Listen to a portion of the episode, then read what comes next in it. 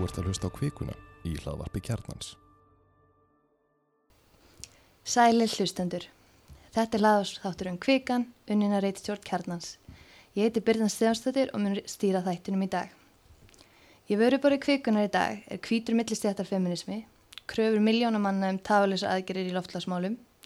nýju miljardar glerhöld landsbankans og mögulegur aðskilnaði ríkis og kirkju. Without wanting to minimize the important work that the National Organization for Women now has done over the years, uh, and without undermining, without wanting to undermine the eventual emergence of a very strong anti rape and anti violence movement, I do want to trouble this genealogy. Uh, just as we've had to trouble the more recent genealogy of Me Too. Uh, because as you know, Tarana Burke began using the phrase in 2006 to emphasize the pandemic dimensions of sexual violence. Um, but it was Elisa Milano who was initially credited with the creation of the concept. And unfortunately, many contemporary images associated with Me Too are overwhelmingly white. Þarna heyrðum við bandaríska reythöndunum og aðgerðarsinnum Angeli Davis en hún var einn þeirra sem held erindi á alþjóðlegu MeToo-ráðstefnun í hörpu í síðustu viku. Í erindi síni ítrykkuð hún að baróttan fyrir jafnrætti kynjina getur ekki verið háð fyrir einn hóp, hún var eða að fel í sér alla þjófélagshópa. Bara það vekti gríðalega aðtigliði þegar konur að erlendum uppruna stegu fram og sögu, sögu sínar undir merkju MeToo hér á landi. Getur þú sagt okkar eins hvað áhrif þær sögur höfðu? Já, það er þetta gríðarlega áhrif og þetta þegar þetta kemur einhvern til Íslands MeToo byltingin og kallum, kallum þetta bara byltingu, ég held að við getum bara sammálst um að nota það orð, þá náttúrulega stegu ímsir þjóðfélagshópar fram og það sem var áhugavert að mínu mati var auðvitað þeirra sögur, sögur og þeirra frásagnir, sem sagt frásagnir erlendra kvenna á Íslandi af eh, kynbundinni kynbunda ofbeldi. Eh, það sem var um, sérstaklega sko, áhugavert var að þá tölur munur á þessum sögum. Það var sérsagt það mátti sjá að þær voru oftar bara hreinlega alvarlegri og, og erfiðar, gríðarlega erfitt fyrir þess að konur að stíga fram. Og það sem við höfum svo séð síðan þá er að konur í aðarhópum uh, eiga sérstaklega erfitt með að stíga fram og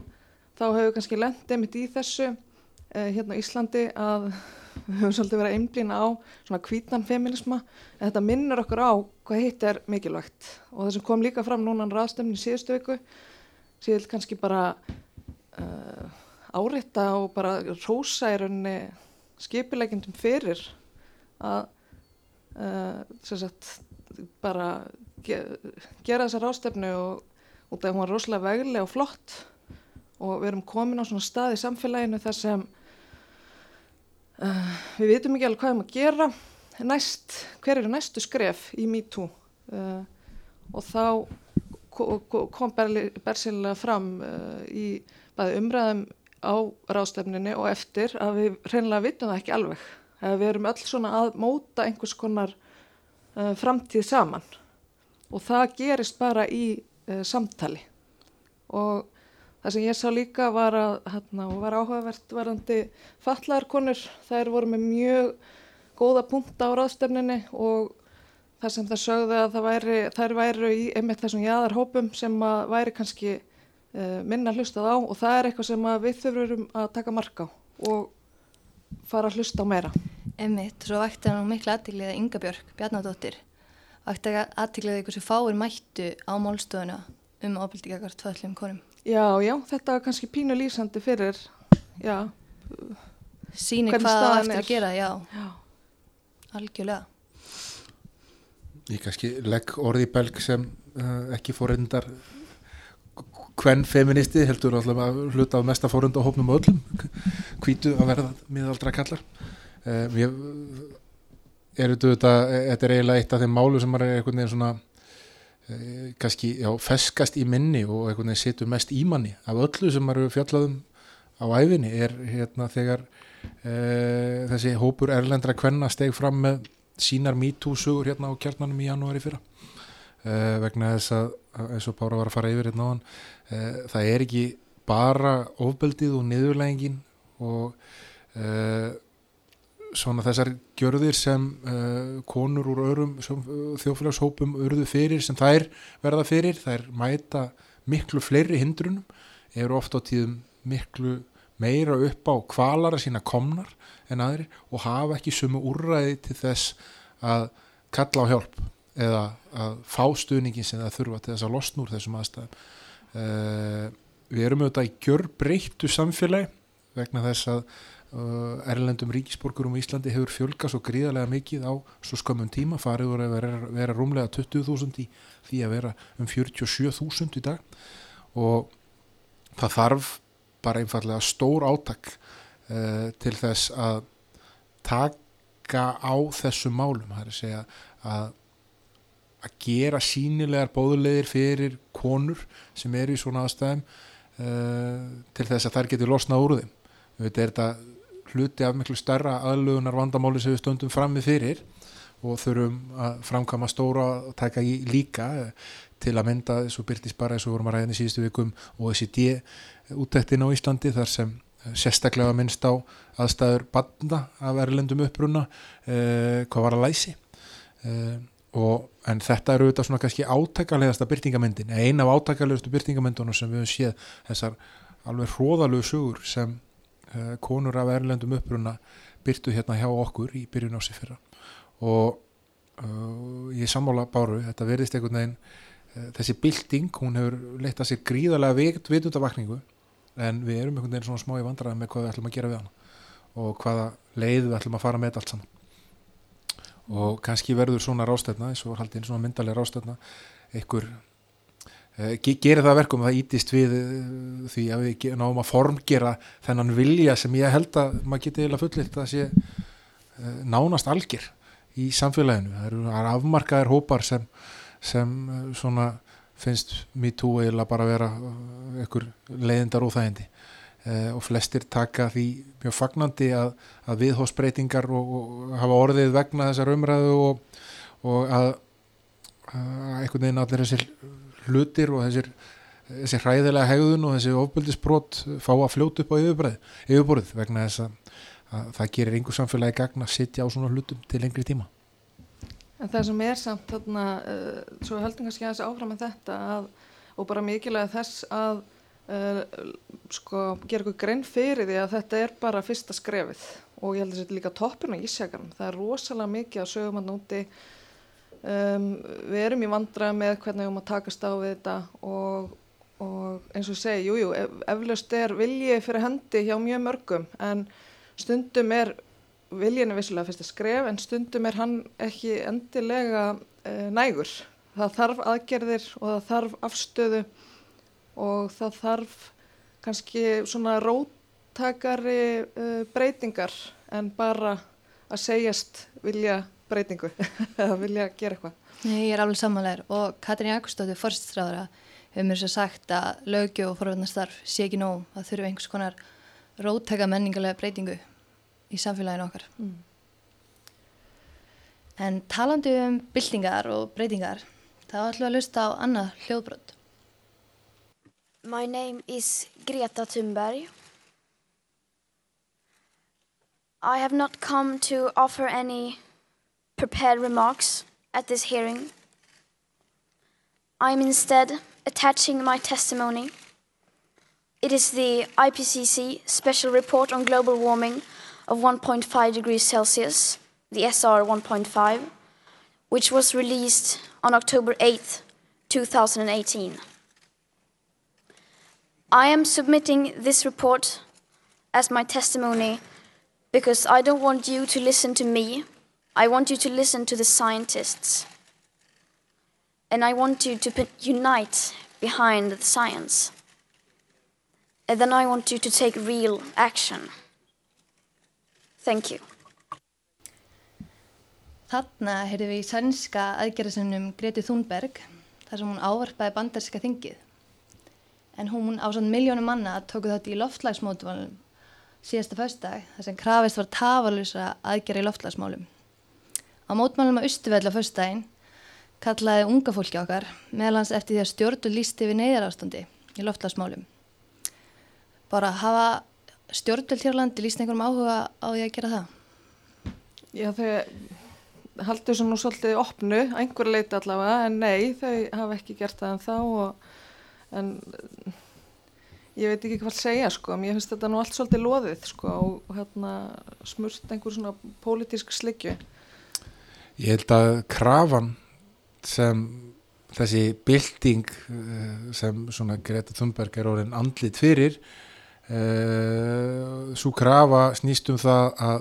þetta mál verið sett í algjöran pólitískan forgang og að allar aðrar ákvarnir verði tekin, verði teknar út frá því uh, hvernig áhrifin verða á loftasmál og uh, við erum sannarlega ekki stödd þar í, í hennum íslenska pólitíska veruleika, við erum ekki stödd þar í, í hennum pólitíska veruleika neistar en þessi uh, þessi bylting hún er að vaksa alveg feikila hratt, það er ekki nema ár síðan að Greta Thunberg byrja, byrjaði á þessum mótmælum. Einn með flettur og skildi fyrir utan sænska þingið að skrópi skólanum. Uh, bara hugsið ykkur breytinguna, hugafæsbreytinguna og, og svona vitundarbreytinguna sem eru orðið á ja, skömmum tíma. Uh, ég held að og er eiginlega alveg sannfæður um það að í allara nánustu framtíð uh, þá verður þetta aðalmál í pólitísku umræðu allstaðar og pólitíki muni skilgrennast út frá aðgerðum vegna loftlagsmála og ég held að muni gerast miklu hraðar en við áttum okkur á. Ég held að við munum jafnvel hérna á Íslandi sem erum með kostningar 2021 uh, sjá uh, áherslur þar sem eru myndi dag, jafnvel bara í dag þykja sko óhugsandi rótækar í breytingar af því hvernig við höfum okkar neyslu, okkar uh, rekstri okkar uh, framleiðslu, bara okkar öllu uh, en sem verða sett á dagskrá uh, í þeim kostningum. Ég held að við munum sjá það líka gerast í löndunum í kringum okkar vegna þess að það er að síast í gegn að þessi ógn er aðkallandi. Uh, úrtöluröddunum er ítt til hliðar. Þær eru ekki að byggja á neinu nema einhvern veginn svona gömlum tröllasögum um að það hefur oft verið selt áður að heimsvendi sé nánd. Uh, megin þorri vísindasamfélagsins er á einu máli. Uh, og hlutinir eru að gerast hraðar en við óttuðumst. Þannig að í, þeir sem þurfa að lífa í þessari framtíð sem þetta ástand mun leiða að sér þeir munu stýra því hvernig við munum takast á það á allra næstu árum ég er samfarnu það En núna til, var til dæmis Sigmundur Davíð uh, Gunnlaugsson formaði miðflokksins. Uh, hann kom nú aðtöðasendur í síðustu viku sem komust í fjölmila og við meðal annars gerum eina frétt upp úr það sem hann var að tala um uh, hvort við vildum nú verða, hvernig var það eins og sænskir hippar. Já, sænskri hippa komnu. Já, einmitt. Um, hann er svona gæla við, já, að vera svona afnýtunar sinni, kannski fer ekki alla leið en en segir svona já er þetta nú svona alvarlegt? Og það kannski um, talar við ákveðin hóp, get ég mynda mér. Um, fólk var nú líka gaggrína sá ég að það væri nú verið með þess að fjall um þetta um þessi orð. En kannski það sem er gott við að fá þetta er að þá allavega er hægt að um, svara slíku út af þetta er alveg, ef maður sko teka á til hliðar þetta Sigmundur Davíð hafi uh, spurt út í þetta og orða þetta svona þá kannski er áhugavert að velta því fyrir sér hverju fólk er tilbúið að forna bara í neysluhæðun og bara varandi hvernig samfélag við viljum lifi í. Bara östuðt varandi afstöðu miðflokksins í þessu málum það er alveg augljóst hvert er alla fara í þessu sem um það við skrifa grein í morgunblæði fyrir ekki allslöngu mm. þar sem uh, það var svona lagt út frá þessu hérna, að ná í hópin sem lítur á Gretu Thunberg og, og, og, og þess að krakka sem bara ekkur að kjána sem viti ekkert mm. um, það sem er unni með þetta svona afneitunar úrtölu stef gegvart loftlagsvanni og uh, þetta er bara tilhörnum til þess að reyna að ná þessum hópi undir þessa reglíf sem í flokkurinn er alveg eins og hann hefur gert í öðrum málum mm. uh, bara verðunum að því ég held að engin annar stjórnmálaflokkur muni fara að fiska í þessum gruguðu tjörnum Mm. ég ætla hann að vona að svo verið ekki það sem ég hef lesið eftir til að mynda ymsa uh, þingmenn sjálfstæðisflokksins þá er viljið þar til þess að mæta málunu Mhm. uh, hann er kannski meiri orði en á borði eins og er uh, vinsti græn skilgreina sig auðvitað sem grænan flokk og, og, og vilja að þetta verði svona eitt af þeirra skilgreiningamálum en eru ekki þar í verki eins og staðan er í dag og það er engin heldur að þessum frjálslendu flokkum sem tala mikið um þetta í stjórnaranstöðunni Mm. uh, þannig að annarkort tekst eitthvað af þessum flokkum sem uh, svona eru allan að þó að, að tala leikinn að gera þetta mál að sínu, eða það getur verið fleiri neittflokkur að gera þetta mál af sínu eða það kemur okkur annar að gera það. Mhm. eitthvað annar, eitthvað nýtt afl sem mun gera það. Og, og svo verður miðflokkurinn bara í sínu geimi eh, eins og við erum með einhverja fylkingar allstæðara í heiminum sko. Eh, einhver hópur sem eh, svona kýsa líta fram hjá því sem blasir við kýsa lýsa fram hjá því sem kem, kemur fram í skýslum saminuðu þjóðana og, og, og, og vísindamanna um þessi mál. Og uh, það þýðir ekki að svekja sig á því eða pyrra sig á því. Það er bara hluti af umræðinni alltaf að það er einhverjir sem reyna að taka hana á grundull einhvers annars en fyrirliggjandi staðarenda eða uh, líklegastu nýðustuð sem vísit ekki geta sínt okkur. Og uh, þannig verður alltaf En svo er líka með ef við, erum að sko við berum þetta sama um í tú, það eru kannski uh, með sama vandamál þarna að það er mikill vilji fyrir að taka loftslagsmál setja loftslagsmál dagskrá uh, en sko hverjar vera breytingarna raunverulega? Það er líka uh, eitthvað sem mér finnst bara mjög áhugavert að skoða og sjá það þarf þetta að segjast vera umhverfisöndasinni eða uh, og, og slíkt en, en sko hvaða breytingar þurfum við að sjá til þess að þetta verði raunveruleiki þú veist þá vantar bara meira kannski en vilja og orð og kannski uh, þá er mikilvægt að um, fá eitthvað svona konkrétt og svolítið skýra afstöðu Já, fólk er allavega að kalla eftir róttekar aðgjörum um, ef maður með við loftlagsmótmáli. En nú eru fleiri mál til umræði á alþingi í síðustu viku en loftlagsmálin. En það var meðal annars aðskilnaði ríkis og kirkju. En þingmenn fjóra flokka, þryggjór stjórnarnastu og eins sem situr í ríkistjórn lögðu frá þingsalóttu tilu um að fela forstráðara, fjármál og efnægstráðara og dómsmálaráðara að leggja fram frumvarp um annars vegar fullan laglegin og fjárhagslegan aðskilna ríkis og kirkju. Þóru Snæðin, úr þú mikill áhuga maður um þjóðkirkjuna. Já, Mætti ekki segja það? Nei, auðvitað er þetta uh, mjög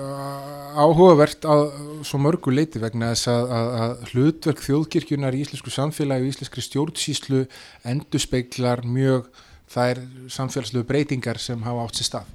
Það er að segja, uh, hér lengi vel var uh, bara nánast allir, voru nánast allir skráðir í þjóðkirkjuna og það verður hérna, og yfir 90% bara langt fram eftir sjálfstæðistímabilinu. Uh, að vera mikla breytingar hérna á allra, allra síðustu árum. Og uh, svona á síðustu kannski hvað sjö árum, sjö, átta árum þá hefur verið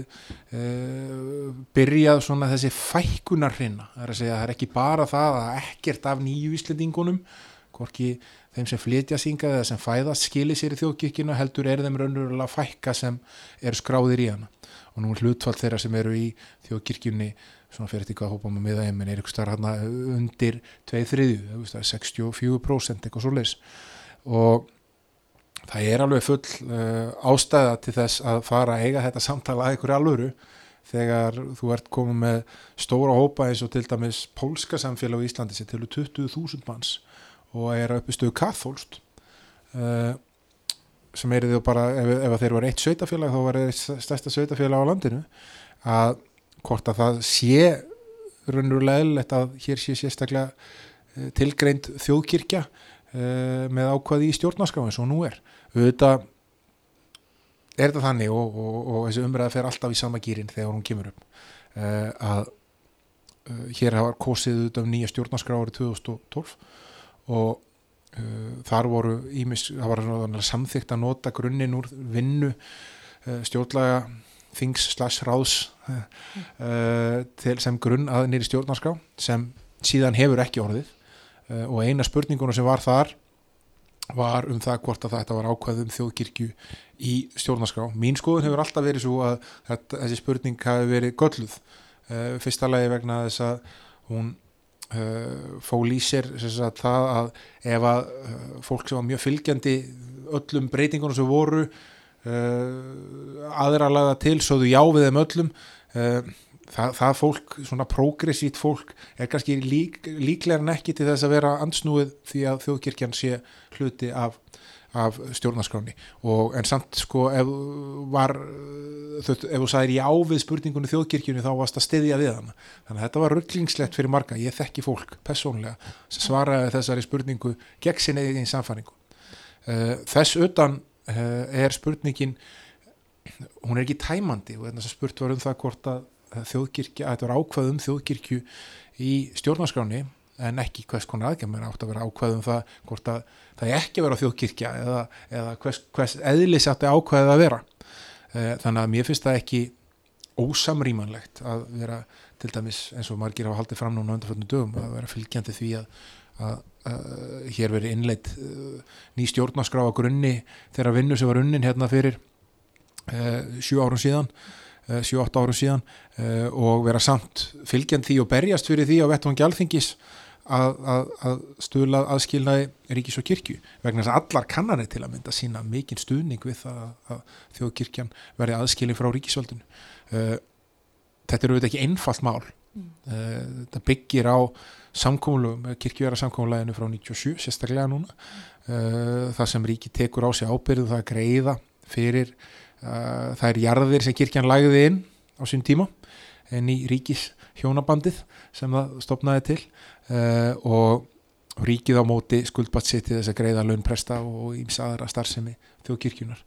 uh, það þarf að vinda einhvern veginn ofan á þessu það þarf að finna einhverja niðurstuð en hún mun alltaf aldrei finnast nema eitthvað ferli verði hafið. Það ferli myndi að öllum líkindum enda fyrir dómstólum sem eru þá falið það að komast að niðurstöðum það hvernig viðskilnaðunum ætti að hátta hversu mikla fjármunni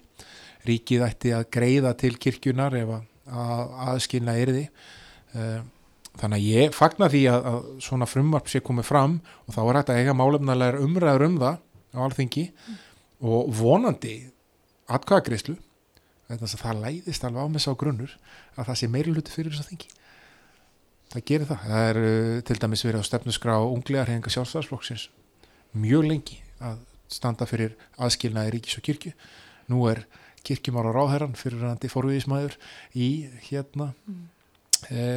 í ungu sjálfstæðarsmenn. Þannig að e, ég held að það sé vilji fyrir þessu auðvitað hjá þeim flokkur sem standa að þessu. Það vekur í, líka aðdegli að það eru tvei stjórnaþingmenn á frumarpinu, tveir þingmenn Vinstri Græna sem eru á frumarpinu e, og já, það verður bara mjög áhugavert að sjá hvort þetta fær framgang eða hvort það fær ekki ég, ég ætla líka að segja að það læðist á mig svo grunnur að, að þetta,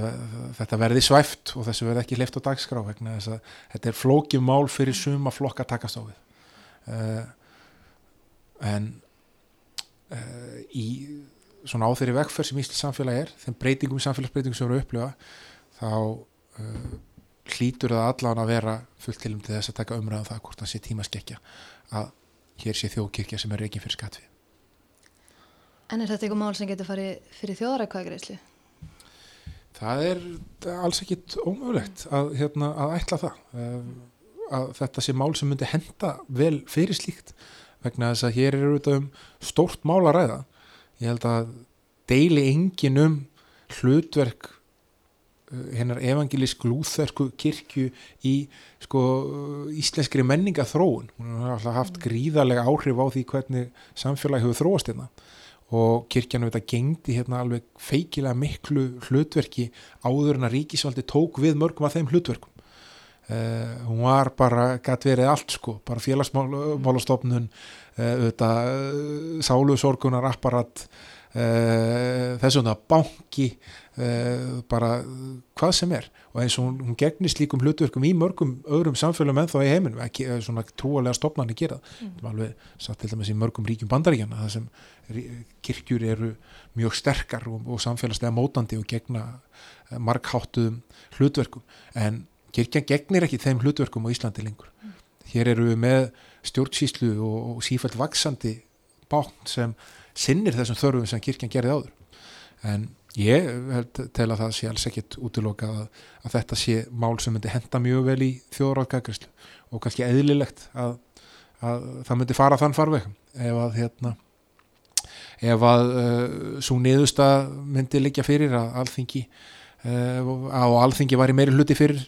fyrir svona máli. Mm. Og það var þá hægt að gera það með við og hann hvort alþingi myndi koma sér saman um það að skjóta þessi þjóðvarkagreyslu eða að fósettin myndi grípi í töman og, og, hérna, og senda það þangað. Hvort ekki að verðu þetta aðtunarskapandi og áhugart fyrir fólkis okkur? Já, ég er algjörlega sammálað þessu að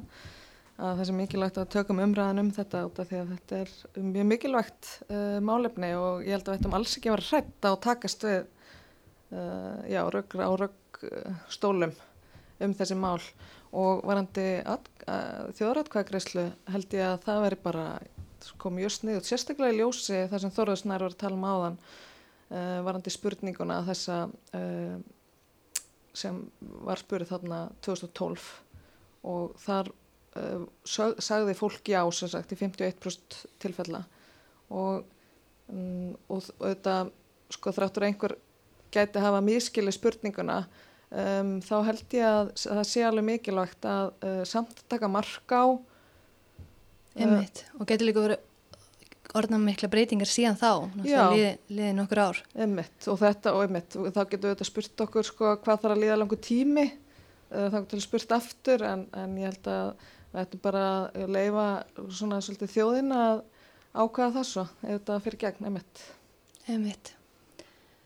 Já, ef við að hlusta á næsta ljóbrot. Það er að fórseti, ég vænti nú þess að þessi áform verði yfirfarin í stjórnbankans þar sem bankansýsla ríkisins skipar fulltrúa ríkisins Hins vegar kannast ég ekki við það að uh, landsbankin sé komin á sölu eins og mér fannst átturstu þingmaður að gefa hér skinn í fyrirsputsinni. Uh, það likur fyrir að minni halvu að ég til enga ástæðu til þess að fara að selja hluti í landsbankanum á næstunni og til mikilvægt hins vegar að við horfum til þess við endurskipulagningu fjármálakerfisins að fjármálakerfið mun breytast. Við erum sammála um það, ég og hátturstu þingmaður, að við eigum eftir að sjá eðlisbreytingar á fjármálastarfsemi og ég vænti þess að innlendir bankar taki mið af því þegar þeir eru að gera sínar áætlanir, hvort sem það er um húsbyggingar eða aðra starfsemi, að ég tel að við höfum eftir að sjá að þetta miklar tæknibreytingar hafa áhrif á starfsemi innlendra banka sem væntanlega munu hafa áhrif á svona áform eins og hv. þingmaður nefnir hér. Uh, þannig að þetta er eitthvað sem ég tel væntanlega, og nú þekki ég ekki nákvæmlega hver umræðan hefur verið í stjórn bankans um þessi mál, en þetta hlýtur að komið inn í þá umræðu. Hér heyrðum við Katrín Jakobsdóttir, fórsættisráðara, svara fyrirspyrt Sigmundur Davís, formans miðflokksins, um nýjar höfustæða landsbankans sem rýsa nú hlið hörpu í miðbar Reykjavíkur. Þorðustæðir, þú skrifaðir fréttaskringu um þessa umdeldu byggingu í síðustu ykkur. Getur þú sagt okkar aðeins meira frá því? Já, ég er unnverulega, er þetta auðvitað aldrei mögnu saga að Eh, Landsbankin eh, sem er banki sem var endurreistur á nýri kennitölu hér eftir hrun eh, sé að ráðast í byggingu á reysastóru höfustöðum á einni dýrustu ef ekki dýrustu byggingalóð landsins á tífum þar sem bankaþjónustöð er að breytast við þetta alveg feikilega mikið og með fjármunum sem er réttum að segja séu eign almennings uh, þegar það er ekki til sá ráðamæður sem hefur líst yfir stuðningi við þessa aðgerð. Og það er það sem uh, ég var svona kannski að draga fram og, hérna, og, og viðmælandu minnir við gerð þessar fréttaskýringar komu skipti skila að, og hefur svo sem alveg líka komið fram í ofnbæru umræðu að þeir sem hafa setið e, á stóli fórsættisráðherra eða sem fjármálaráðherrar e, þeir sem Eh, ráða ráðum í bankasíslu ríkisins sem er það apparat sem var búið til til þess að vera svona milliliður á milli stjórnmálamannana og ríkisbankans og við varum ekki með stjórnmálamenn sem var í puttum með, með puttana í öllu þess sem ríkisbankin er að gera. Þar er mjög skýr afstafa að þar er engin vilji til þess að byggja þessar höfustöður þetta hefur verið mjög skýrt mjög lengi það voru gríðarlega læti yfir þessu hérna þegar uh, áður nefndur og títnefndur Sigmundur Davíð var fórstæðsraður og hann sjálfur barðist mjög hattramlega gegn þessu, gaggrindi þessi áform ítrekkað sem, sem uh, fórstæðsraður. Það gerðu líka mjög margir aðrir á þeim tíma meðal annars þá var þetta varaforma fjárlaganefnda Guðluð og Þórðásson sem er uh, ráðherra í dag, uh, Ásmundur Einar Daðarsson sem er ráðherra í dag og margi fleiri. Uh, það lág alveg fyrir að þegar ákvörun var tekin um að ráðast í þessa, þessa framkvæmt uh, þá er það tekið á þeim tíma þessum mikið svona stjórnmálulegur órói á Íslandi. Það er að segja ákvörunin er tekin uh, í kjölfarkostningana 2016 og þegar ríkistjórnir sesta völdum eftir stjórnmála kreppu sem já, er mjög tæp ríkistjórn, ríkistjórn Bjarnar Bendissonar með einsmanns meira luta sem verður flótt mjög óvinnsæl og það eru stór mál í gangi þarna í mæ 2017 þegar ákvörðin er formlega tekin. Uh, landsréttamálið er allt um leikjandi Uh, það er sumari sem fylgir á eftir eru þetta undirlagt undan uppreist ærumálið sem síðan sprengir ríkistjórn og það er við þessar aðstæður í mæ 2017 sem bankar á landsbókast tekur ákvörnum endalega ákvörnum það að ráðast í þessa framkvæmt og síðan þá hefur þetta svona daldið silt undir radarinn, það er verið hérna, tilkynningar endurum og sinnum um það að sé búið að ráða ykkur hönnunateimi eða, eða hérna, það sé fyrir að hefja ykkur, ykkur hluta framkvæmdum og svo leis en uh, það hefur ekki komið neitt runnulega uh, negin bóð frá ráðamönnum um það að þetta sé eitthvað sem þeim hugnist. Og enginn sem hefur, aftur enginn sem hefur haldum stjórnatöman á Íslandi á undanfjöldum áru sem ég rætt þetta mál við er fylgjandi því að það sé farið í þessa framkvæmt uh, það blasir við og við sjáum það auðvitað fréttum sem er að berast núna til þess að Arjónbanka að það verður niðurskurður í bankakerfinu í nánastu framtíða þess að fólki sem starfar inn að þeim mun fækka starri hlutur af þjónustunum mun færast yfir á stafræna vettvanga uh, það verður ekki jafn mikið þörf á jafn miklu mannabli og hefur verið. Það þarf ekki að byggja 16.000 fermetra hús undir bankastarfsemi, jafnvel þóttu allar að leiði át hlutaði og það er tilfullt af húsnæði sem getur hýst starfsemi eins og þá sem landsbankin uh, er að sinna. Sjáum það til dæmis þegar Henríkisbankin Íslandsbanki uh, þegar höfustöðar hans mikluðu á kirkjusandi. Og hvað gerir sábanki? Já, hann var með áform um það að byggja aðrar höfustöðar á kirkjusandi. Uh, annari dyrri lóð á mjög góðan staði í Reykjavík. En í staðum að tekin mun skinsamlegur ákvörun og bankin flutti starfsíma sína í annað hús sem var verið að byggja í Kópói og þar sem hann bara feður vel um hann og hann getur stunda sína starfsemi algjörlega óhindrað. Það er engin þörf fyrir það að landsbankin sé í miðbann það er það ekki og það er frekar að færa rauk fyrir því að Uh, bygging uh, landsbankans með svona þeim hundruð manna sem það starfa uh, munu auka á þau vandræði sem eru núna allmennskosti tímabundið til staðar í miðborg Reykjavíkur sérstaklega hvað var það umferð þannig að það er bara áhugavert fyrir okkur sem fréttamenn að skoða hvernig svona stór ákvörun og svona kostnaðsum ákvörun og svona drastísk ákvörun sem hefur áhrif á afkomi ríkisjós, hefur áhrif á ásýnd miðborgarnar, hefur áhrif á umferðaflæði, hefur áhrif á ótrúlega margar hluti, er tekin í einhvern svona tómarúmi af fyrirbæri sem er búið til til þess að hindra það að stjórnmálum segja krukki í banka en verður bara einhver svona ríki í ríkinu. Einhverju bankarásmenn sem taka ákvarðanir um það hvernig uh, egnum egnum ofinbæst fyrirtæki sé rástafað með þessum hætti og uh, þetta finnst mér alveg eitthvað sem, að mér finnst skrítið að þetta sé ekki einhvern veginn á meira á hennu pólitiska vettfangi í dag, það verðist vera eins og með margt annað í þessu svona skrítna pólitiska andrumi sem við lifum í núna mm. þar sem uh, með ríkistjótt sem er svona ekki sammálum sérstaklega margt og, og að uh, það svona, er svona þegjandi samkómulag um það einhvern veginn að vera ekkit að snerta á mikið á þessum málum og það verðist ekki vera mikill áhugi hefur mér sínst að minnst að kosta undanföldum dögum frá því að við byrtum okkar frettskýringu um það að, hérna, að máli verði tekið upp með einhverjum hætti á hennum pólitska vettungi. En nú er þessi banki að mest hluta í eigu ríkisins. Hvernig skila svona umdeildar ákvæðanir ef við getum sagt að og til dæmis með launahækkara bankstýra í almenningsálutinu eða áliti viðskiptavina eða Ég held að sko, raukstöningu landsbankans fyrir því að fara í sér frangvært er það að hann sé á svo mörgum stöðum uh, og að þetta spari rekstarkostnað húsnæðis sem sko er, þú getur örgulega reiknað það dæmi og fengi út þá niðurstöðu að það sé hægkvæmar að vera með alla starfsemina undir einu þakki, frekar hann að vera með hann á annan tug staða og allt svoleiðis. Ég skil það, en það sem er erfiðar að skilja kannski er að það þurfa nákvæmlega að vera í þessu húsi og það þurfa að byggja með þessum hætti e, á þessum stað. E, og ég held að þetta sé eins og þú bendir réttilega á þá er eitt helsta vandamál sem bankakeri stendur framfyrir er tröstleysi, það er þess að fleiri bankakerun en stjórnbólumennum í dag, sko, halda því til það það bankakeri sem er 20% tröst og meðan stjórnbólumennin eru með átjón þannig að hérna ég held að þetta sé ekki til þess fallið að auka tröst á bankakeru þegar svona ákvarnir eru tekna með þessum hætti. Það er heldur ekki til þess fallið að auka tröst á, á bankakerfi þegar við sjáum svona launahækkanir eh, eins og voru frangvandar í ómböru fyrirtækjunum hérna á undarföldnum árum. Uh, og auðvitað við færum okkur yfir í engagerinn í fjármákjörnum þá eru auðvitað ekki til þess að auka tröst á bankakerfi þegar, þegar menn sem eru uh, sem hætta í störunum sínu fá 150 miljón krónar peningafallið var til þess bara fyrir það einfallega að hætta eins og gerist í Arjónbanka þannig að Ég uh, held að alveg svo stjórnmálumenn þurfa að fara að líta mjög inn á við og hafa þurft að líta mjög inn á við á undanfjöldum árum til þess að komast á rót þessu vanda sem orsaka tröstleysingar þeirra þá þurfa þetta bankamenn að gera það líka. Og ef það myndast einhvers konar tröst á banka þá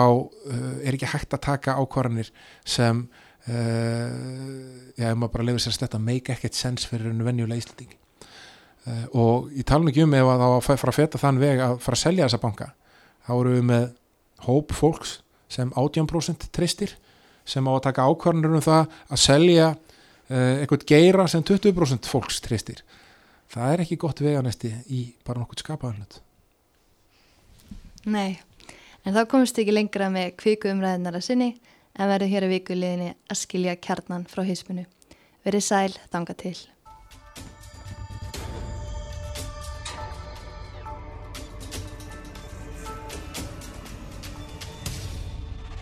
Þú ert að hlusta á kvikuna í hlaðvarpi kjarnans.